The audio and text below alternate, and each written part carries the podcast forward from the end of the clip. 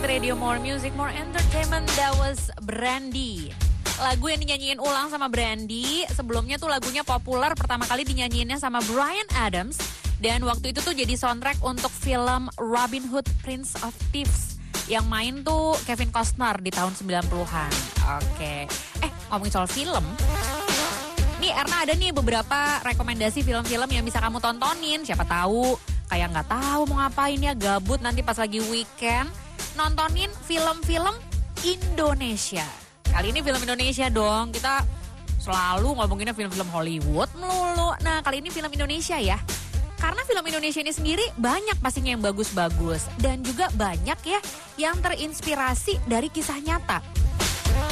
Nah, film-film yang diangkat dari kisah nyata ini nggak cuma menghibur aja, tapi juga bisa kayak ngasih inspirasi gitu sama yang nonton. Dan selain menyajikan tentang kisah tokoh Indonesia yang berpengaruh, beberapa film Indonesia dari kisah nyata ini juga diangkat berdasarkan tragedi-tragedi yang pernah terjadi di Indonesia.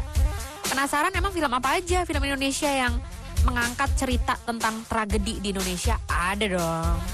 Udah dikumpulin sama Erna, let's go. Kita bahas satu-satu 5 film yang diangkat dari tragedi di Indonesia. Yang pertama, 22 menit. Nah, film ini tuh diangkat dari kisah nyata peristiwa bom Tamrin. Dan butuh 22 menit bagi Polri pada saat itu untuk meringkus teroris bom Sarinah atau bom Tamrin. Nah, dikisahkan seorang anggota pasukan anti terorisme yaitu AKBP Ardi berusaha memburu pelaku pengeboman yang terjadi di Jakarta di Januari 2016 yang lalu ya. Nah, di tengah kekacauan yang terjadi, Ardi dan juga jajaran unit anti terorisme serta seorang polisi lalu serta seorang polisi lalu lintas yang namanya Firman itu berhasil meringkus pelaku dalam 22 menit. Yang pertama tuh, yang kedua Mei. Nah, Mei ini tuh bercerita tentang sepasang kekasih yang namanya Antares dan juga Mei. Antares ini tuh merupakan pembuat film dokumenter yang emang lagi disibukin banget nih sama perekaman momen 1998. Kan itu historical banget ya 1998 dan di saat itu Mei juga diculik, diperkosa dan terpisah dari ibunya. Nah 10 tahun setelah kejadian itu Antares ini akhirnya bertemu lagi dengan Mei di Malaysia. Dan pertemuan mereka ini kembali membuka masa lalunya Mei yang tragis banget. Karena emang dia mengalami tragedi-tragedi yang memilukan ya si Mei-nya. Itu dia. Yang kedua ada Mei. Yang ketiga nih yang lagi main banget nih di bioskop. Sayap-sayap patah. Ada Nikola Saputra. Sayap-sayap patah ini tuh adalah film yang diangkat dari peristiwa kerusuhan berdarah di Mako Brimob di tahun 2018. Dan filmnya itu bercerita tentang Aji dan juga Nani yang merupakan pasangan suami istri yang hidup bahagia. Nah, kebahagiaan ini semakin lengkap ketika si Nani ini diketahui hamil. Nah, seiring waktu berjalan, kandungannya semakin gede dong. Tapi namanya juga sebagai polisi ya, si Aji nih nggak selalu bisa nemenin Nani karena pekerjaannya yang sebagai polisi yang harus siaga banget ketika dibutuhkan untuk bertugas. Selanjutnya, karena nggak mau spoil dong, nanti spoiler. Selanjutnya di balik 98.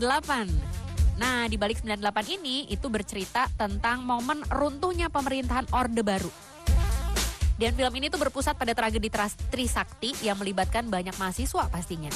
Nah, seorang mahasiswa mahasiswi dari keluarga tentara memutuskan untuk menjadi salah satu aktivis 1998. Dan dia ini tuh bersama dengan kekasihnya juga ikut turun menjalankan aksi demo yang membahagia membahayakan bagi banyak orang.